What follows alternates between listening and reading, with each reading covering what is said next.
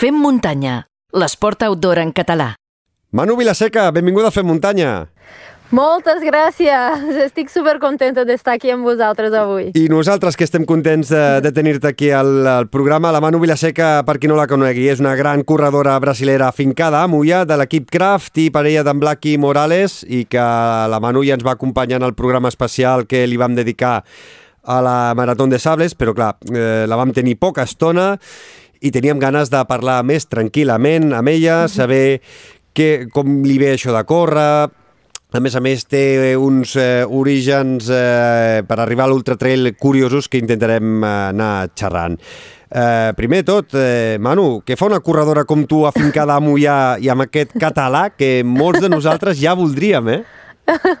Mira, uh, vaig arribar aquí a Mollà fa sis anys, bueno, quasi sis anys i mig, no entenia i no parlava ni una paraula de català i parlava el castellà més o menys. I, bueno, jo, jo vaig venir perquè Gerard i jo ens vam conèixer a la sortida de la UTMB uh -huh. i, bueno, uh, vam decidir de, de viure junts. Uh, una, bueno, una aventura així, jo penso, pels dos però algo que tenia molts números de sortir malament i al final ha sortit bé. A vegades les coses que semblen que hagin de, sortir, de, de començar malament o sortir malament, escolta, sí. eh, eh, amb el temps et dones compte de que no, no? Eh, I, i com és que eh, eh t'interesses tant pel català i parles també el, el, el català? Tens facilitat pel, pels idiomes en general?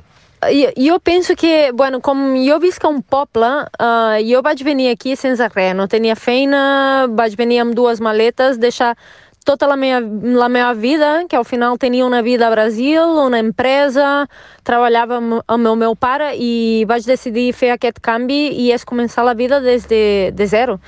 I arribat aquí, jo bueno, buscava feina, vaig començar a fer classes d'anglès, perquè l'anglès és un idioma que parlo des de petita perquè vaig estudiar un col·le eh, americà a Brasil, però un col·le que es parlava anglès tot el dia, i, i aquí vaig aconseguir feina fent classes d'anglès. El que passa és que jo veia que, que la vida en un poble costa molt que la gent t'accepti, que et respecti, si tu no parles el seu idioma. I per comoditat hagués quedat el castellà, perquè al final tothom, jo podia comunicar, tothom em tenia i no tenia cap problema, però jo sabia que, que era molt important fer aquest pas uh, per la gent que viu aquí i per mi. I, i de fet, jo crec que des del moment que he decidit mm, s'ha acabat això ara, haig d'aprendre i haig de parlar català, eh, les coses, la veritat és que van canviar bastant,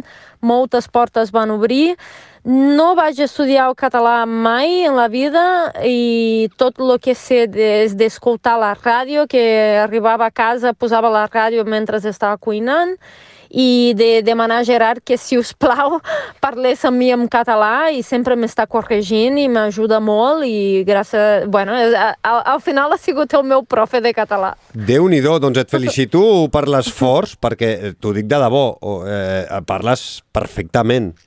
O sigui, Moltes gràcies. El, el, el, jo, jo que, eh, diguéssim que he nascut aquí a, a Barcelona, eh, tinc un català molt pitjor amb, amb, amb, amb molts matisos, eh? Vull dir, la gent que, escolta, que, que porta molts, molts mesos escoltant el, el podcast ja veuran que a vegades foto unes eh, castellanades eh, espectaculars i parles el català molt bé. Jo, i jo faig catalanades, eh? Quan, Ara. Eh, escolta, Manu, eh, com era la teva vida? Eh, que ets de Rio de Janeiro, he llegit? Sí. Sí, jo sóc de Rio uh, i a Rio tenia una vida bastant diferent de la vida que tinc aquí. Jo, per formació, jo, jo vaig fer disseny industrial a, a la universitat i treballava com a dissenyadora uh, en una empresa.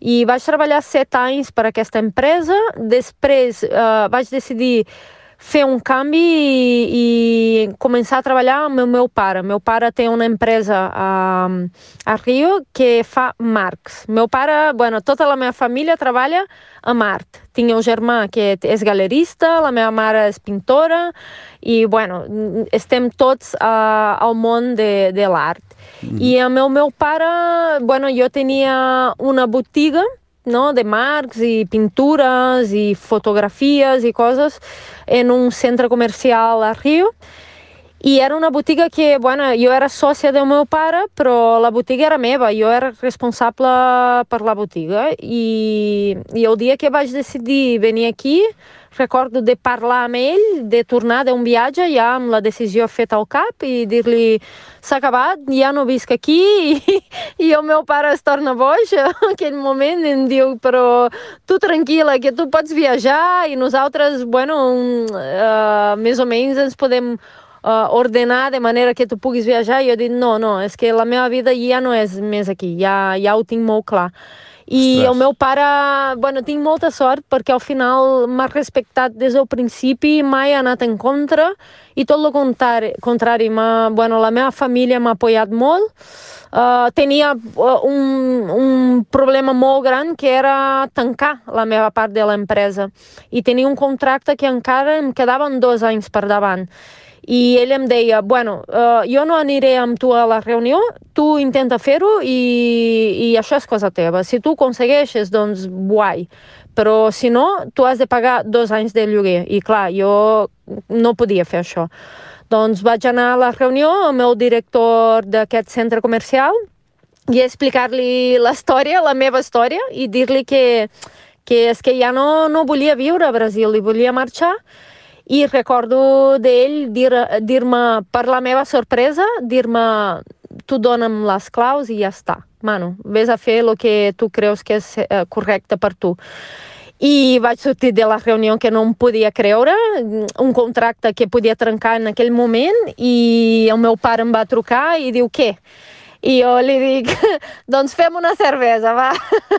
Molt bé. I això, i tenia tot per venir. Jo crec que les coses que em van passar al final Uh, jo crec molt en l'energia i, i, i les coses que, que passen tenen un per què a la teva vida i quan tot comença a sortir i, i et, et posa en aquest camí és perquè aquest camí és el camí que tu has d'agafar i he vingut així. Molt bé, molt, molt valenta fer, o sigui, tenir tota, tota una vida afincada a Rio de Janeiro uh, i trencar amb tot i començar una vida nova, totalment nova. Sí. Uh, perquè aquí a Mollà, vale, sí, comences fent classes d'anglès, però ara diguéssim que dediques i estàs gairebé dedicada al 100% amb, amb l'esport, no? Estàs relacionada 100% amb l'esport, amb el, amb el pic eh, run eh, Mollà. Sí, sí, sí. Uh, bueno, això és algo que ha començat uh, molt a poc a poc. Jo encara estava treballant de mestre a una, una acadèmia a Mollà, i això era algo que jo feia, bueno, la meva cunyada, unes amigues seves, i muntava uns entrenaments i tal, era poca gent, i era com un extra per mi, no era la meva feina principal, però fa dos anys més o menys eh, em van oferir una, bueno, una oportunitat de fer una feina que era una feina de 20 dies només, però jo havia de plegar de la meva feina perquè havia de marxar a Brasil a fer unes gravacions, gravar unes sèries i bueno, em pagaven molt bé per aquests 20 dies i jo vaig dir, saps què? Penso que és el que jo haig... No sé, eh? jo tinc la intuïció així molt forta i deia, és que eh, veig molt clar que jo aquesta feina no la puc deixar passar i, i vaig tenir de plegar mm, de l'acadèmia, que al final, tornant de Brasil, em vaig posar les piles amb el tema dels entrenaments.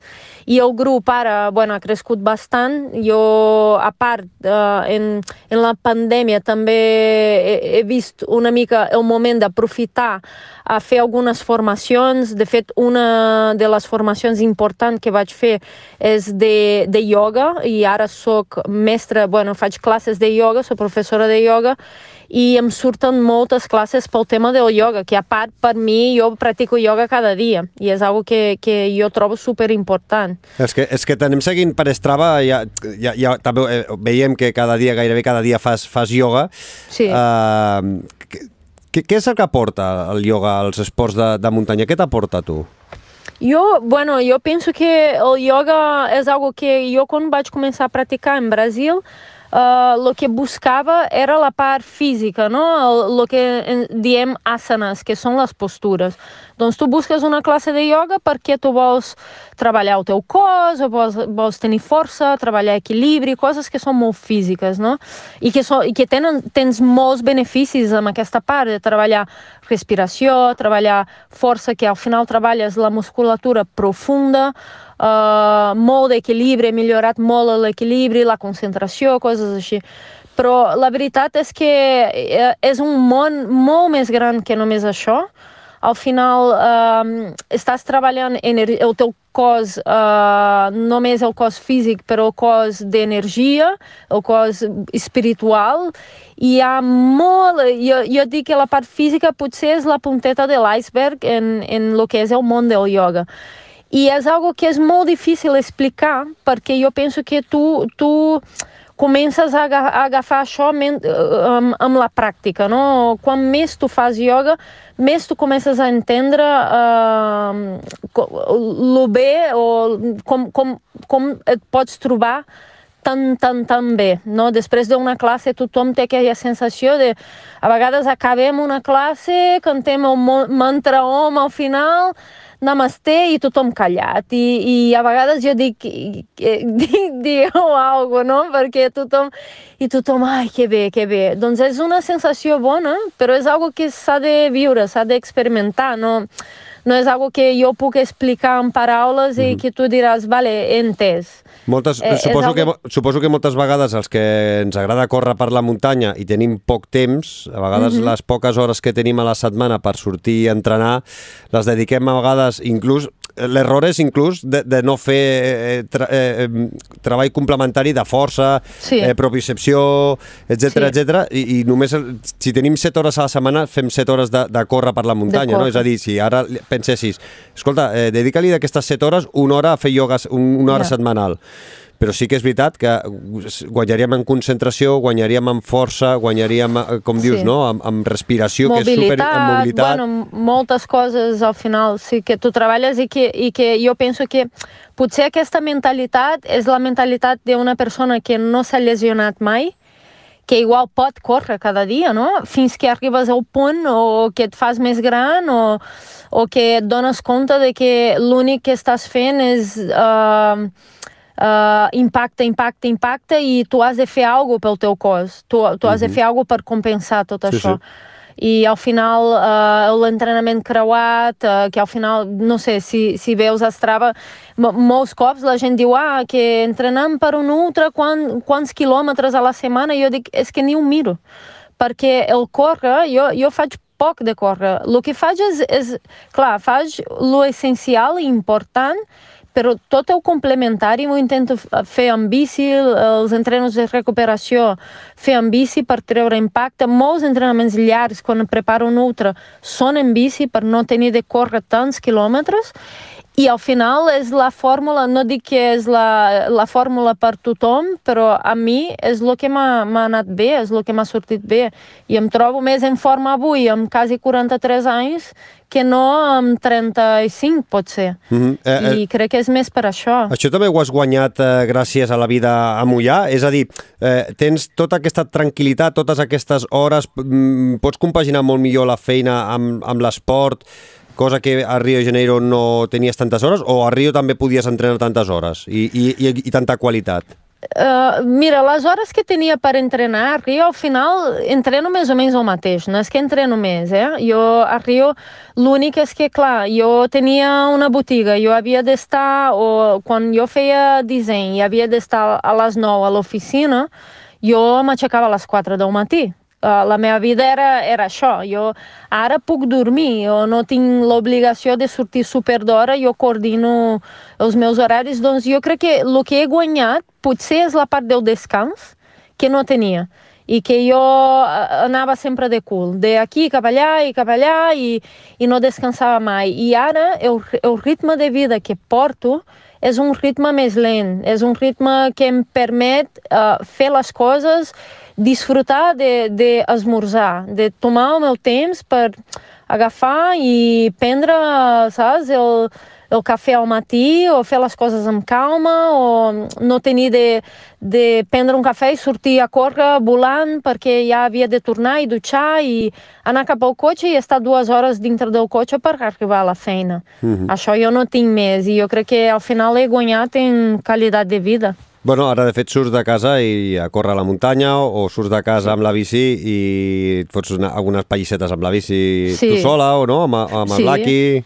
Sí, sí, sí. Bueno, no és que a Rio no tenia, eh? perquè al final Rio és una ciutat que és increïble per qualsevol persona que fa esport, perquè tu tens, uh, tu tens el bosc dintre de, de la ciutat i tens corriols que no, no acaben. Tens, tens uh, tot el tipus de terreny, no tens una muntanya de 3.000 metres, això no tindràs, però, però és que tens moltes opcions i, i això no em faltava, no, no tinc aquesta sensació de que em faltava. Jo crec que a Rio he preparat UTMBs i Lavaredo i Transgran Canària, tot a Rio, entrenant a la platja i em sortien bé les coses. No, I tant. no és un tema de, de, del lloc, saps? Mm -hmm. Escolta, han passat ja unes quantes setmanes de la teva participació a la Marató de Sables amb l'equip d'Obrir-se al món. Eh, T'has recuperat bé? Entrenes ara ja amb total normalitat o encara arrastres, no sé, cansament, dolors...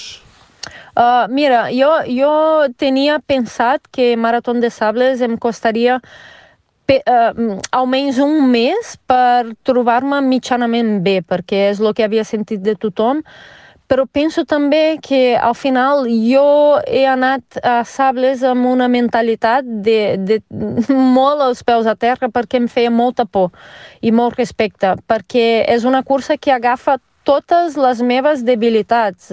A mi no m'agrada córrer amb calor, no m'agrada córrer en pla, no... Eh, tenia tot el que no m'anava bé. I jo pensava, bueno, per, perquè jo la pugui fer i la pugui acabar i intentar fer una cursa regular, jo haig d'anar conservadora. I, i sabia que l'etapa del quart dia, que era la ultra, era on jo no podia petar, perquè si petes a la ultra perds molt temps, i sabia també que era, era on jo podia anar millor, perquè com més quilòmetres per mi, millor. I penso que els tres primers dies he pogut reservar o he anat amb molt de consciència, no és que he anat uh, ah, he anat lenta a passejar, no, però, però he anat pensant sempre al quart dia. I al quart dia les coses m'han sortit bé, al final he fet una cursa de menys a més, super regular. Cinquena posició fet... final, eh? Enhorabona, sí, eh? Sí, Gra sí, no, no, molt contenta. Espectacular. Molt, molt contenta perquè no m'ho esperava i penso que, que sobretot uh, no, no tenia cap problema. On eh, acabat sables jo muscularment em trobava, no tenia res, els peus ho tenia perfecte, és que no, és com si no m'hagués passat allò, saps? I clar, ara, ara és, ja estic entrenant, ja estic bé. I, i ara al final del, del mes jo tinc un, una ultra llarga de 160 quilòmetres als Estats Units que, que bueno, dubtava molt de que podia arribar bé i ara penso que que estaré bé per fer aquesta cursa. Quina, bueno, quina faràs? Quins són aquests eh, objectius de llarga distància que teniu plante... Eh, que, els fareu el Gerard i tu o només no, tu? No, no, aquesta només jo.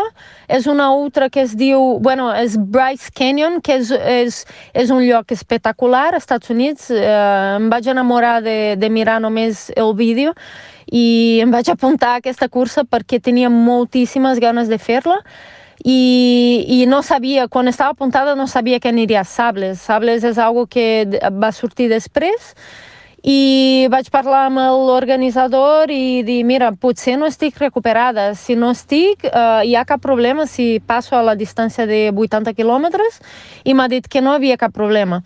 Doncs aquesta decisió la puc prendre fins al final, però I quin, com i em trobo avui, eh, jo dic, i Gerard em diu, tu has de fer la de 160, que és la cursa que tu faràs bé, l'altra, la, saps, la teva cursa és la llarga. És, I, bueno. eh, és on, me, on millor rendeixes, no? Les, com Jo més llargues... Sí. Jo crec que sí, perquè és el tema de... A mi, primer, que és algo que m'agrada, jo disfruto molt. Després que jo penso que jo tinc el cap molt fred per això, saps? Jo, jo, jo sé patir en aquest sentit de, de, d'estar ahí i passi el que passi, bueno, això s'acaba quan tu arribes a la meta i tinc un ritme crucero que és, és un ritme bo, que al final no, no tinc velocitat per fer una cursa curta, per això Sables tampoc era una cursa bona per mi, perquè les etapes són molt curtes, i, A tu, a tu t'hagués anat millor, Manu, fer els 200, eh, gairebé 250 quilòmetres de- d'una etapa. Bueno, això tampoc, eh? Jo dic que el meu límit és 160, eh? Jo dic, més que això no vull fer, però 160 és potser la distància que més m'agrada. I-. M'agrada molt. I després dels Estats Units, eh, què, aquest any tornarem, tornaràs a UTMB o... Per Jo faig la... Bueno, aquesta Gerard fa també. Fem la TDS un la altre TDS, cop. aquest any feu TDS Sí. tots dos. Sí, sí. Escolta, aquesta fortalesa mental eh, t'ho va donar els teus inicis en els raids d'aventura? Segur, això segur, perquè bueno, jo, jo vinc de fer curses de una setmana uh, sense dormir, no? Ja, ja recordo curses Quan, de I quan fer... vas començar amb els raids d'aventures? Això just molt al principi, quan, quan jo, bueno, jo, jo vaig començar, uh, feia gimnàs, fe, feia, hipi, feia hípica. Això tota des de 11 anys fins als 25, uh, només volia muntar a cavall. I quan vaig parar això, uh, em vaig apuntar a un gimnàs i començar a fer bici i tal, i a córrer molt poc i em van convidar a fer una, un raid d'aventura d'un un dia a l'altre. I penso, no sabia ni què era això, la bici de muntanya no sabia ni anar amb bici i tal, però eh, és allò, no? Que jo penso, els raids tenen això, o, o te- o ho odies. I aquell dia deia, uau, saps? He trobat algo que, que m'encanta. I, bueno, és, és una història que tu has, és una cursa que tu has de fer en equip. Normalment són tres homes i una dona, perquè no hi ha masses dones que volen fer aquestes coses, o un, tres, una noia, no? I, i bueno, tu has de uh, anar amb un mapa i anar orientant, has de tenir una persona a l'equip que sàpiga uh, mirar mapes i, bueno, per, perquè arribis als, als checkpoints, als llocs on tu has de passar. Modalitats hi ha moltes, uh, però les principals són bici de muntanya, kayak, uh, tècniques verticals que serien d'escalar o sí. fer ascens, uh, coses així, i, i córrer. I, i bueno, aquestes són les principals, però la veritat és que et poden dir qualsevol cosa, com arribar a un punt i dir... Jo recordo una cursa, arribar a un punt, em feia molta por a l'altura, i estàvem amb una pedra al costat del mar super alta i, i el checkpoint estava a la pedra i després en, ens diuen heu de tirar-vos a l'aigua. I jo, Ostres. clar, jo super alt, em feia molta por això i l'equip sencer salta i jo em quedo amb allò i clar, què faig? Haig de saltar doncs saltar. Sa- Saps? Coses que, no, que tu fas sense pensar, però al final molt, molts, moltes pors que jo tenia ja no les tinc, perquè vaig tenir de superar moltes coses, moltes dificultats fent rides. I, qui, I penso que és d'ahí i, que i, ve, i, I quins són els pitjors moments que has passat amb un raid? Perquè, eh, has vist el, el documental eh, d'Amazon Prime? Bueno, documental, docu-sèrie, Ah, docu-reality... de Challenge. sí, no? L'Eco Challenge, l'has vist? Vam parlar-ne en el primer capítol, en el primer Fem Muntanya, ara fa un any i mig, ho vam parlar amb l'enyorada Emma Roca, no sé si, si, si has vist el, el, la docu, el docu-reality sèrie... No, no, no he vist, però, però sé, ja, ja sé, perquè l'Eco Challenge, bueno, jo, jo l'Eco Challenge no he fet mai, però he fet curses que són molt semblants i, i bueno, m'imagino, eh? M'imagino. Jo he vist allà l'Emma Roca patint fred, eh, molts corredors, molts participants eh, eh, passant realment malament, a punt sí. de la hipotèrmia, sí. eh, decidint si dorms aquí, dorms més enllà, com la son eh, doncs, eh, va minant eh, la moral de, dels equips. Mm -hmm i, i clar, i, i, i sabent que tu feies raids d'aventura, dic, jo no sé si has arribat a aquest extrem de, de passar gana, de passar fred, perquè l'aigua està freda, perquè, clar, sí. estàs tantes hores, tants dies eh, fora, que, que ho passes realment malament. No sé si has arribat a aquest punt extrem. Sí, sí, no, no hi ha, jo crec que si tu has fet un raid d'aquests així llargs, no hi ha manera que ho hagis fet sense passar de tot i, i he fet molts rides i, i hem passat de tot. I bueno, jo penso que és que si ara em dius mano, què és el més difícil d'un ride? no sé explicar-te una cosa perquè és que són moltes coses és una combinació. Uh, pensa que l'equip um, sempre és molt comú que vegis gent que és, eh, bueno, al final s'està barallant perquè estàs al teu extrem i, i has d'aguantar de tot.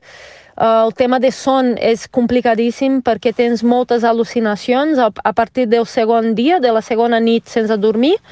Uh, comences a veure de tot i, i, i el pitjor de les al·lucinacions jo dic és que tu ets conscient de que és una al·lucinació, el que tu veus no és real perquè tu saps que no pots veure el que estàs veient, però encara així ho veus. I, tot, I, tot... i és, sí, sí, és, és una bogeria. Eh? I tot això és el que et curteix perquè després puguis rendir millor, per exemple, una, una UTMB en el qual doncs, el temps et pot girar i de cop i volta surts amb calor a Chamonix a les 5-6 de la tarda i després a les 3 de la matinada se't gira amb el temps al col de Bonom, no? I, i, sí. i, i, i, i que tens aquest plus de no perdre els nervis, de saber gestionar-ho bé, no? Sí, bueno, jo crec que al final el que, el que fa, els raids el que fan és que et fan molt, molt fort i, i no, no hi ha manera... Bueno, si no, tu no, no segueixes en aquest món, saps? I si tu ets uh, un corredor que ja has fet molts raids, ja t'ha passat de tot i, i tu has superat segurament perquè encara estàs ahí. Mm -hmm. I bueno, jo crec que per això la meva primera ultra de muntanya, que això va ser el 2011, va ser una ultra de 160 quilòmetres. Directament. La primera, la missió en Argentina, en Patagònia. La, la primera en la que t'estrenes... La primera de, 160, sí, de la vida. I clar, però la gent... Eh, això és algo que jo dic, no, no m'agrada dir-ho molt, perquè clar, jo tinc alumnes que, clar, tu, com expliques això a un alumne, no? Que tu, tu dius, tu has d'anar pas a pas, ah, però com és que tu has estrenat en un ultra tan llarg? Però clar, jo venia de curses d'una setmana mm -hmm. i per mi una ultra de 160 era només un tram de les curses que jo estava clar. acostumada a fer. I clar, ho veia d'aquesta manera i recordo quan eh, vaig parlar amb el meu entrenador i li vaig dir vull fer aquesta cursa a la missió, es reia i deia, és que clar, què vols que digui? La vols fer? Doncs la faràs, però es reia i jo crec que jo estic segura de que ell no creia que jo seria capaç d'acabar-la. Tens ganes de tornar a fer raids d'aventura o ja és sí. una etapa passada? Sí? Enga sí, enganxa? Sí, sí. És, és a dir... Eh, eh, Ho trobo a faltar, eh? Sí? Jo, és, eh, és algo que, que jo l'altre dia vaig fer una publicació i jo inclús que tu... Jo crec que tu has, has vist, no?, la publicació, sí. perquè em vas dir alguna cosa pues, uh, no sé, no, no crec que és algo que jo em posaria a fer ara, rides, tornar a fer rides només, però em faria gràcia fer un, saps? Si tingués l'oportunitat de, de fer un ride amb un equip que és un equip guai, perquè al final és super important l'equip, saps? Són, és gent que tu, és que uh, tu, tu has d'estar a gust amb aquesta gent. I sí, sí, ho faria, jo crec que sí. Es fan, hi ha molts raids d'aventures aquí a, a Catalunya i a, i a Espanya o, o, o són proves que es fan més a, a fora, no sé, més a, a la selva, no sé, o, o, o no és així? És que ho desconec totalment i per això t'ho pregunto, perquè a vegades no, no se'n parla gaire d'aquí a Catalunya dels raids d'aventura d'una setmana. Ja, jo, no, jo crec que és un esport que no, no se'n parla molt perquè és complicat perquè tu necessites una logística molt complicada, no és fàcil eh, competir en rides, has d'entrenar molts esports, has de tenir uh, quatre persones que, que estan entrenant com tu, o, bueno, no, no és fàcil, però només en aquest escrit uh, un noi es va posar en contacte amb mi i tenien un ride uh, aquest mes, i just perquè jo vaig als Estats Units he tingut de dir que no, no podria fer amb ells, però sí que em va convidar. Algo que hi ha, hi ha un circuit mundial que això és, és el, bueno, suposo que tots els equips forts del món ara eh, estan eh, al meu cap en circuit mundial, no? que tu al final vas, eh, viatjaràs tot el món i competiràs en països diferents i, i jo, jo penso que és el que ha quedat així d'important és la, esta, la World Series aquesta de, de los rides d'aventura. Mm -hmm. Quan surts a córrer eh, per mullar, eh, t'agrada sortir a córrer sola, t'agrada sortir acompanyada del, dels gossos, del, del Teo i del Charlie, o, o t'agrada sortir a córrer amb el Blacky? Com, com disfrutes més sortint a muntanya? Com et trobes eh, més a gust? Bueno, això uh, de, depèn, eh? Quan jo haig de, de sortir... Bueno, jo sé que quan surto amb Gerard m'exprimeixo més, que encara que em digui anirem a poc a poc, el seu poc a poc no sí. és el meu poc a poc. Doncs jo, jo haig d'anar més ràpid, no? I molts cops, clar, utilitzo això com a entrenament, és dir, aniré amb Gerard, doncs ja, ja, ja tinc pensat que aquell dia és un dia que jo haig d'anar a un ritme més alt i haig de ser capaç d'aguantar aquest ritme però jo la majoria dels cops surto sola. Gerard ja diu que no sap sur sortir sense els gossos. Doncs jo dono la prioritat a ell, però la majoria surto sola. Quan ell no surt a córrer, sí que jo surto amb els gossos. Quan vaig amb ell, també anem amb els gossos, com, com ha sigut el cas d'avui, no? que avui volíem sortir a rodar els dos i mira, hem, hem anat a, amb els gossos i buscant uns corriols diferents i a fer una volta curta. Mm -hmm. I sí. Quan fas una... O sigui, i com disfrutes i pateixes més? Eh, participant en una cursa o fent l'assistència en una cursa? Mira, uh, no, jo, a mi m'agrada fer la cursa, eh, competir, però la veritat és que també quan fent assistència tu veus la cursa des d'una altra perspectiva que a mi també m'agrada. No, no és... Tu, tu has de... Jo crec que és molt, molt important que tu posis el xip uh, correcte, no? El teu cap, en, en plan dir, he vingut aquí a fer assistència i que no estiguis patint, oh, que jo volia córrer. No, tu has de tenir clar que aquell dia toca fer això i disfrutar d'això. I el dia que vas a córrer eh, no toca fer assistència, toca anar a patir i toca anar a disfrutar i tens el xip de, de competir. I jo, a, a mi m'agrada els dos, però bueno, potser I... més a competir, no? I, I en Gerard i tu us, us assistiu mútuament a quan no correu, no participeu a la mateixa cursa? Sí, sí, bueno, ell uh, a la UTMB ja m'ha fet assistència algun cop i, i sí que jo crec que ell va marxar de Chamonix aquell any dient vull fer Tor de Geants, no? Eh, eh, o sigui, clar, ell veia la cursa i pensava per què no estic fent la cursa? Però això va ser una decisió d'ell, en aquell moment no la volia fer i, i jo a Andorra li feia assistència també i bueno, venia d'una cursa, tenia clar que no, no, no anava a córrer, anava a fer assistència a ell. Escolta, Manu, m'ha dit un ocellet, eh, que no deixes córrer el, el Black en curses de més de 100 quilòmetres o que la idea és no deixar-lo córrer en curses de més de 100 quilòmetres, eh? No? com, com és això? Per què no uh, uh, insisteixes no. en que no faci curses de més de 100 quilòmetres? No, no, bueno, al final això és que des de que coneix a Gerard, ell porta dient que pararà de córrer, i això ja fa 6 anys, eh? Però, bueno, uh, a Andorra sí que uh, ho va passar molt malament, molt, i jo li feia l'assistència. I jo vaig patir molt de, ve de veure'l en, en aquella situació perquè en cap moment, i, i Gerard és, és una persona que quan està en cursa uh, es posa a riure, uh, parla amb la gent i sempre està fent bromes, i, i aquell dia tenia la cara tancada tota l'estona, patint, plorant, saps? Arribar a un habituament, no ser capaç de dir-me res, posar el cap saps, a, a, a les mans al cap i començar a plorar. I clar, la sensació que jo tenia era una sensació horrible d'impotència perquè jo l'únic que volia és dir-li entra al cotxe i marxem ja. Però jo, com corredora, jo sé que el pitjor que pot passar un corredor és abandonar una cursa. La sensació aquesta és horrible i després el coco eh, menja, uh, no sé, després ja no pots estar tranquil amb, amb tu mateix. I jo sabia que si ell deixés la cursa aquell dia, estaria eh, deprimit, no? Perquè al final és el que ens passa de, després, mm -hmm. portes dies uh, així, pensant havia de seguir i tal. I vaig ser molt dura amb ell en aquell moment i dir-li, em dona igual si tu uh, mai més tornes a córrer, però aquesta cursa l'acabaràs. Has vingut aquí a acabar-la i l'acabaràs. I, I em dona igual, saps? Si, si estàs així o això, és que l'acabaràs.